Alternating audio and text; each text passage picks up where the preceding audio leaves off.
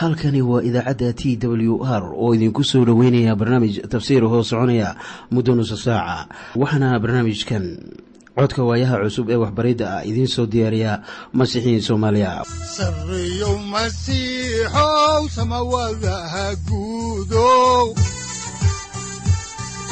Siraadkii adduunkow subanaha eebow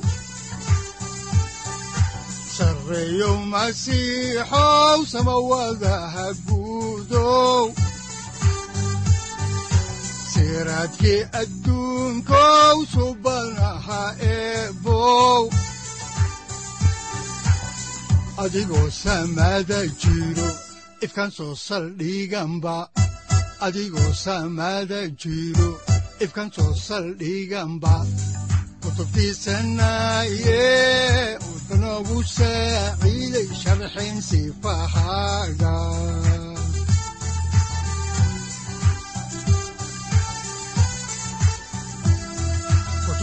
kutubtiisinayo ebanagu saaciid sharxin sifahaaga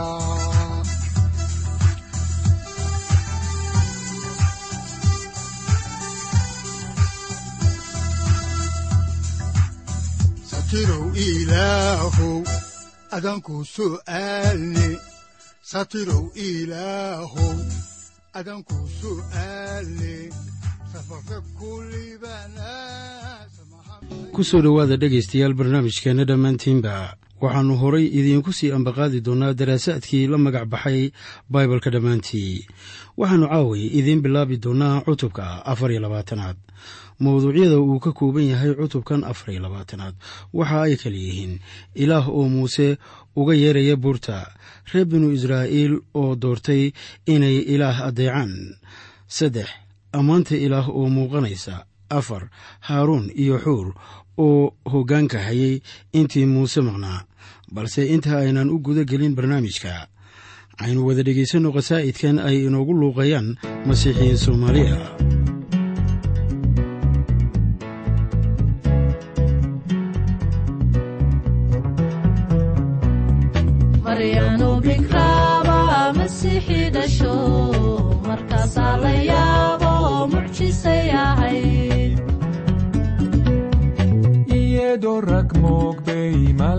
salaanto markaasay uruudu mucjisay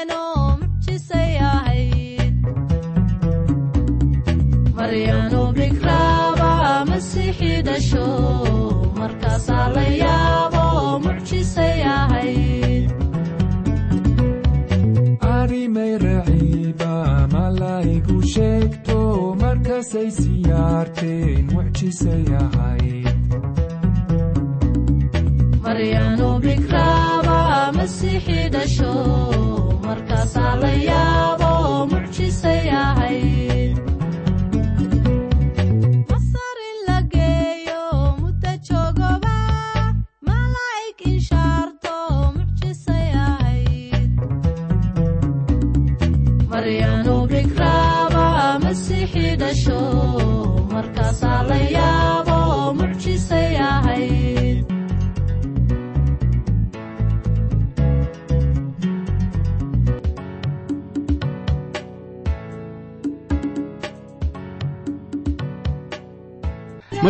dambeysay waxa ay inoo joogtay dhegaystayaal dhammaadka cutubkii saddex iyo labaatanaad waxaanan haatan soo gaarnay kan afar iyo labaatanaad. Ha yeeshee qisadii baa halkeedii ka sii soconaysa waxaana aan ku jiray sharci bixinta taasoo qiimi weyn u leh insaanka oo dhan meel waliba oo ay joogaan.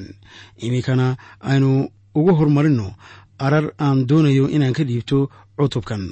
Cutubkan afar iyo labaatanaad waxa uu khatimayaa qaybta ku saabsan sharciyada bulshada ee ka soo bilaabatay cutubka koob iyo labaatanaad. Waxaanan aragnay in sharcigii muuse uu ka kooban yahay tobanka amaradood ee koobnaa oo sharciga bulshaduna waxa uu saamaynayaa meelo tiro badan. Haatanna aynu ugu hormarino maadada koowaad oo ah nidaamka caabudista ka hor intaanu taambuugu iman amaan la dhisin haddaan horay u sii ambaqaadno xigashada kitaabka baxniintii ayaannu haatan eegaynaa cutubka afar iyo labaatanaad aayadda koowaad. Waxaana qorniinka quduuskaahi leeyahay sida tan.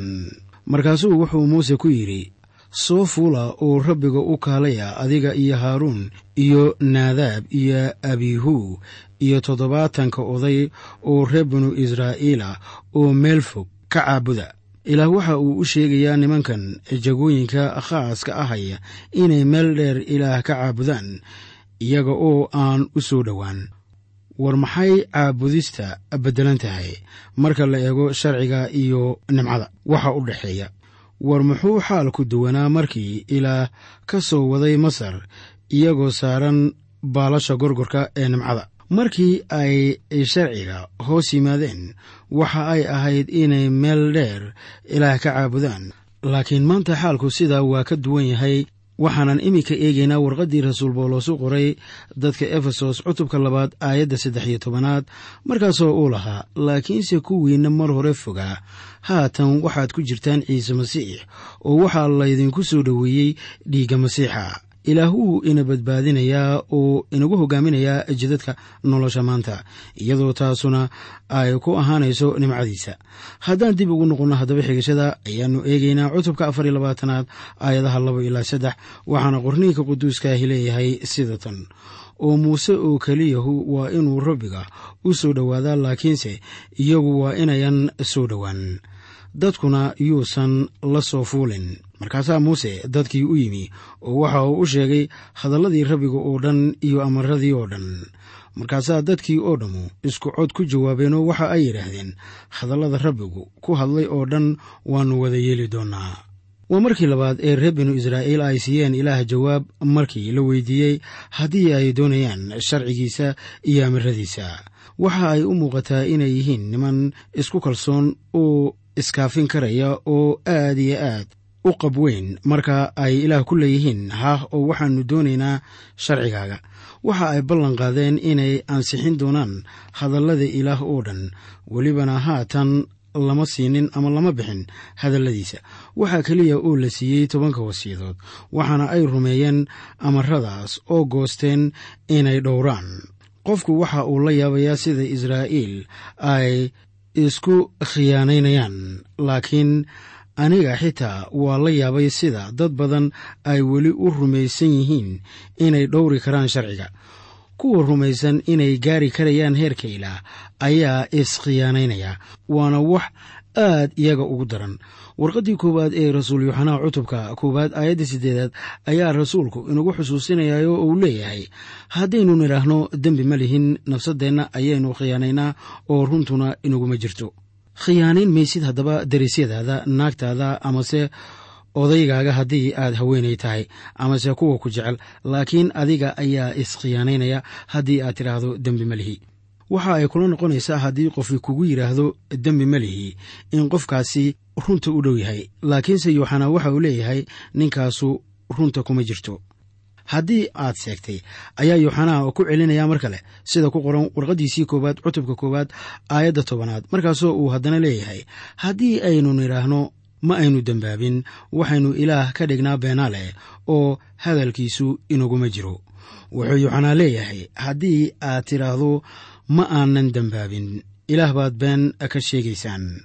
Saaxiib ilaah ma ahan beenaale haddaba haddaan horay idiinku sii wadno kitaabka baxniintii cutubka afar iyo labaatanaad ayaannu iminka idiin akhriyeynaa aayadaha afar ilaa toban. Waxaana qoran sida tan.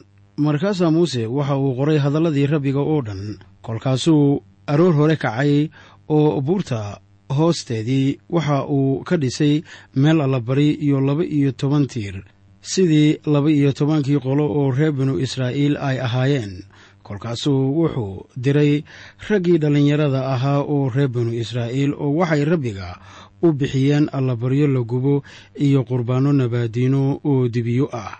Markaasaa muuse waxa uu qaaday dhiiggii badhkiis oo waxa uu ku shubay oo waxa uu ku shubay xedhyo oo dhiiggii barkiisiina wuxuu ku rusheeyey meeshii allabariga. Markaasuu wuxuu qaaday kitaabka axdiga oo wuuna akhriyey iyadoo dadkii maqlayaan oo waxa ay yidhaahdeen kulli wixii rabbigu ku hadlay waannu yeeli doonnaa oo waannu addeeci doonnaa markaasaa muuse waxa uu qaaday dhiiggii oo dadkii ku rusheeyey oo wuxuu ku yidhi baleega dhiiggii axdiga oo rabbiga idinla dhigtay oo ku saabsan hadalladanoo dhan kolkaasaa waxaa kor u fuulay muuse iyo haaruun iyo naadaab iyo abayhu iyo toddobaatan oday oo reer binu israa'iil ah. Markaasey waxay arkeen ilaahii reer binu israa'iil oo waxaa cagihiisa ka hooseeyey sallax dhagax safayra ah oo sida samada u daahirsan. Waxaa iminka qorniinku uu leeyahay reer binu israa'iil waxay arkeen ilaaha israa'iil marka la leeyahay waxay arkeen ilaaha israa'iil ayaa waxaa la doonayaa in lagu eego aayaddan qorniinka. Dabcan ma jiro qof ilaah arkay waayo isagu waa ruux. Yuuxanaha cutubka koowaad aayadda siddeed iyo tobanaad ayaa sidaa inoo sheegaysa oo waxa ay leedahay ninna ma arkin ilaah marnaba. Wiilka keliya oo laabta aabbaha ku jira kaasaa inoo sheegay. Haddaba sida ku cad kitaabka wixii ay arkeen wuxuu ahaa mid ilaah u taagan. Ha yeeshee anigu sidaa ay ila tahay. Ciise ayaa sida abbaarta ah noqonaya aragtida soke ee aynu ka haysanno aabbaha. Wax kasta oo aynu haddaba garanayno maanta ee ku saabsan aabbaha waxaannu ka helnay wiilka. Haddaba garan maayo sida ilaaha aabbahay u egyahay. Ha yeeshee sida uu dareemayo iyo fikirkiisa ayaa waxaa laynoogu sheegay kitaabkii ishaaciye ah cutubka konton iyo shanaad aayadaha siddeed ilaa sagaal markaasoo nebiga oo ruuxa uu ka dul hadlayo uu lahaa. Waayo rabbigu wuxuu leeyahay fikiradaydu fikiradiinna ma aha oo jidadkiinnuna jidadkayga maahan maxaa yeelay sida samooyinku ay dhulka uga sarreeyaan ayaa ay jidadkaygu jidadkiinna uga sarreeyaan oo ay fikiradayduna fikiradiinna uga sarreeyaan ha yeeshee haddaan intaa ku dhaafno xigashada kitaabka ishaaciya ayaa ciise uu u taagan yahay ilaah muuse haaruun naadaab abayhu iyo toddobaatankii odayaasha israa'iil ahaa. Haddaba ma ayan arag ilaaha aabbaha ah waa kii laynagu yidhi ninna ma arkin ilaah marnaba wiilka keliya oo laabta aabbaha ku jira kaasaa inoo sheegay haddaan halkii ka sii wadno haddaba kitaabka ayaa waxaa ku qoran kitaabka baxniintii cutubka afar iyo labaatanaad aayadda koob iyo tobanaad sida tan oo odayaashii reer binu israa'iilna far ma uu saareen oo ilaah bay arkeen. Waxna way cuneen oo cabbeen. Aayaddan isla sidaa aayaddii horeba ahayd waxay arkeen mid taagan hooska ilaah. Waxaa keenaya in sidaa la yidhaahdo waxa weeye in kolkii dambe muuse loo sheegay inay ilaah arkeen waayo wixii ay wada arkeen wuxuu ahaa mid ilaah u taagan. Laakiin qorniinku wuxuu leeyahay waxay arkeen ilaah. Muuse waxa uu doonayaa inuu arko ilaah. Filibos ayaa doonayey inuu qolladii sare ee sayidku cashada ku bixiyey uu ku arko ilaah. Filibos wuxuu yidhi sayidow aabbahana tus waana nagu filan yahay haddii aad doonayso inaad ilaah aragto saaxiib waa inaad u soo marto ciise masiix. Waxaanan maqalnay nin wadaad ahaa oo markhaati bixinaya isagoo leh waxaannu hor imanaynaa ilaah maadaama buu yidhi aynu badbaadnay. Runtu waxay tahay inaanan ilaah hor imanin waxaanan leenahay dhexdhexaadiye waxaa ku qoran warqaddii koowaad ee rasuul boolos u qoray timoteyas cutubka labaad aayadda shanaad sida tan. Waayo waxaa jira ilaah keliya iyo dhexdhexaadiye keliya oo u dhexeeya ilaah iyo dadka waana ninka ciise masiixa. Waxaad ilaah ugu imanaysaa adiga oo ciise masiix soo maraya kaasoo ah dhexdhexaadyaha masiixa waa kii ayuub sugayey. Ciise gacan ilaah buu ku haystaa. Tan kalena adiga ayuu kugu qabanayaa. Sidaasuu ilaah kuugu geynayaa. Ilaaha aabbaha ah xiriir inagama dhexeeyo innaga. Ciise kristos baase xiriirka keena waana inaan taa garannaa. Haddaan ku noqonno kitaabka baxniintii cutubka afariy labaatanaad aayaddiisa saddex iyo tobanaad ayaa waxaa qorniinku uu leeyahay kolkaasaa muuse sare kacay isaga iyo mididinkiisii yeshuuca oo muuse wuxuu fuulay buurtii ilaah. Haatan yeshuuca ayaa soo shaac baxaya wax badan ilaah ayaa meel u diyaarinayay si uu u beddelo muuse. Haatan yeshuuca waa nin dhallinyaro ah. Ilaahna waa inuu wax badan baraa ka hor intaanu reer binu israa'iil ku hogaaminin dhulkooda. Haddaan dib ugu noqonno haddaba xigashada ayaa waxaa ku qoran cutubka afar iyo labaatanaad aayadaha afar iyo toban ilaa siddeed iyo toban. Sida tan oo wuxuu odayaashii ku yidhi idinku halkan noo jooga ilaa aan mar kale idiin nimaadno. Oo baleega waxaa idinla jooga haaruun iyo xuur ku alla kii dacwo qaba iyaga ha u yimaado. Markaasaa muuse waxa uu fuulay buurtii oo buurtiina waxaa qarisay daruur. Oo ammaantii rabbiga waxa ay dul joogtay buur siinaay oo daruurtuna waxa ay qarinaysay intii lix maalmooda. Oo maalintii toddobaad ayaa rabbigu muuse uga dhex yeedhay daruurtii oo muuqashada ammaantii rabbigu waxa ay reer binu israa'iil ula ekayd sidii deb waxgubaya buurta dusheeda. Markaasaa muuse waxa uu galay daruurtii dhexdeeda oo buurtuu fuulay oo muuse wuxuu buurtii fuushanaa afartan maalmood iyo afartan habeen. Haddaba haddii halka aan uga baxno cutubka afar iyo labaatanaad ayaan haatan soo gudagelaynaa cutubka shan iyo labaatanaad wakhtigaasina waxa uu ahaa markii muuse uu helay tusaalooyinka ku qoran wixii ka bilowda cutubka shan iyo labaatanaad ilaa iyo dhammaadka kitaabka. Marka ay sidaa tahay waxa uu cutubkani ka kooban yahay maadooyin dhowra waxaana ay kala yihiin alaabta dhismaha ee taambuugga tusmooyinka khuseeya dhismaha sanduuqa axdiga miiska kibista iyo saddex lambadda dahabka ah haddaba ka bilaabata cutubkan shan iyo labaatanaad ilaa laga soo gaaro kan soddonaad. Waxa uu ilaah siinayaa reer binu israa'iil naqshadda taambuugga iyo qaabka wadaadka sare ee reer binu israa'iil uu u labisanayo ama dharka uu u xidhanayo marka uu ku jiro taambuugga. Waxaa kaloo aynu arki doonnaa dhismaha taambuugga iyo taambuugga oo la taagay oo bilxaqiiqa ammaantii ilaah ay ka wada buuxsantay gebigeyba weliba waxaan kaloo arki doonnaa qalabka ama maacuunta taambuugga looga adeego iyo sida ay tahay in loo sameeyo iyo waxyaabaha ay ka kooban yihiin dadka badankii waxaa isaga darsan haddaba marka aynu leenahay taambuugga iyo marka aynu leenahay macbudka. Qaar ka mid a dhegeystayaashayada ayaa ku wareera sida badan oo kala garan maayaan waxa macbudka uu yahay ama taambuugga uu yahay. Balse haddaan idiin kala qaado taambuuggu waxa weeye kan reer binu israa'iil ay cidlada ku sidi jireen oo sida aqal hooriga oo kale markii reerku dego isna la taagayo. Waana halka reer binu israa'iil ay ilaah ku caabudi jireen intii ay ku socon jireen lamadegaanka iyo weliba wakhtigii dalka reer binu israa'iil ay ka telin jireen xaakinada waa halka wadaadka sare uu ku bixin jiray qurbaanka sannadiiba mar. Waxaa kaloo halkaa lagu bixin jiray qurbaano kala duwan oo uu ku jiro qurbaanka ikhtiyaarka ah. Waxaana kaloo jiri jiray qurbaanka dembiga kaasoo loogu kafaaro gudi jiray reer binu israa'iil oo waxaa taambuuggu uu ahaa teendho markii ay degaanba ay taagi jireen reer binu israa'iil si ay ilaah u caabudaan. Macbudku wuu ka duwan yahay haddaba taambuugga waayo macbudka waxaa la dhisay wakhti ilaa reer binu israa'iil uu soo dejiyey dhulkii loo ballanqaaday oo uu welibana siiyey boqor. Waxaa la taagay macbudka wakhtigii nebi sulaymaan uu boqorka ka ahaa yeruusaalem waxaana loo dhisay qaab iyo hannaan ka duwan kii hore. Waxaa loo dhisay sida goob wax lagu caabudo oo joogto ah wuxuuna aqalka ama macbudku ahaa daar xoog badan taasoo ay reer binu israa'iil oo dhammi ay isugu iman jireen inay ilaah wax ugu bixiyaan awgood.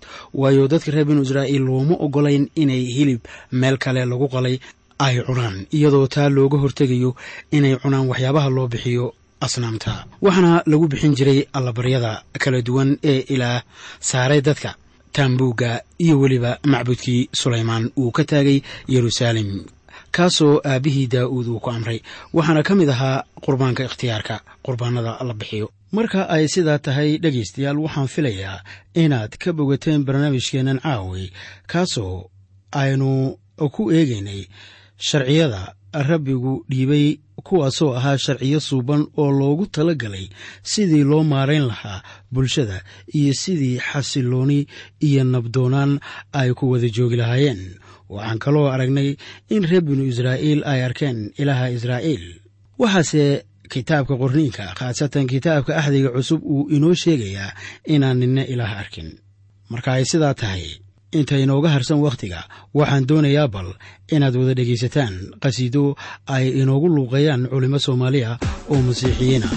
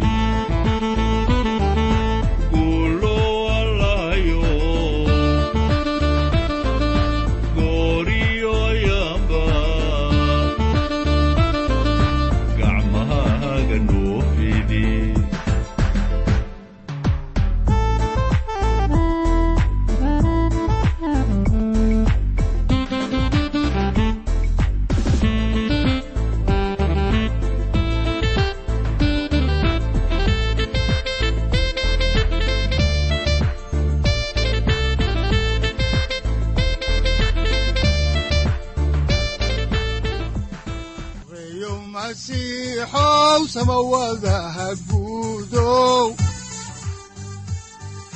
siraadkii adduunkow subanaha eebow. Adigoo samada jiro ifkan soo saldhiganba adigoo samada jiro ifkan soo saldhiganba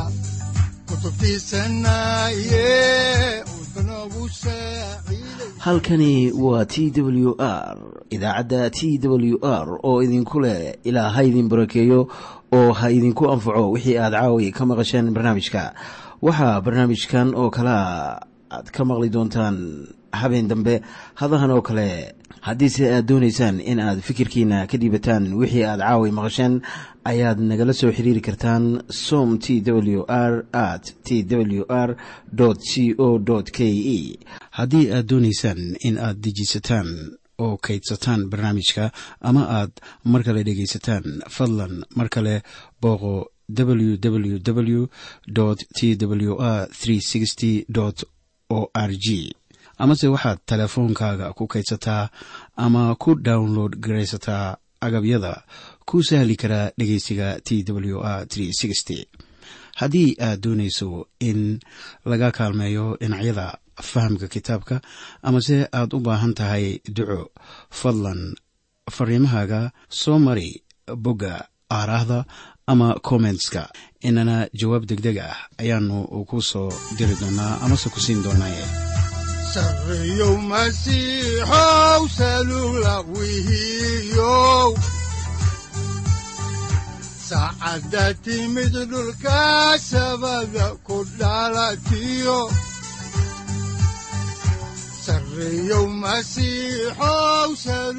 halkani waa t w r oo idiin rajaynaya habeen baraare iyo barwaaqaba leh inta aynu ka gaari doono wakhti aynu ku kulanno barnaamij la mida kan caawayay aad maqasheen.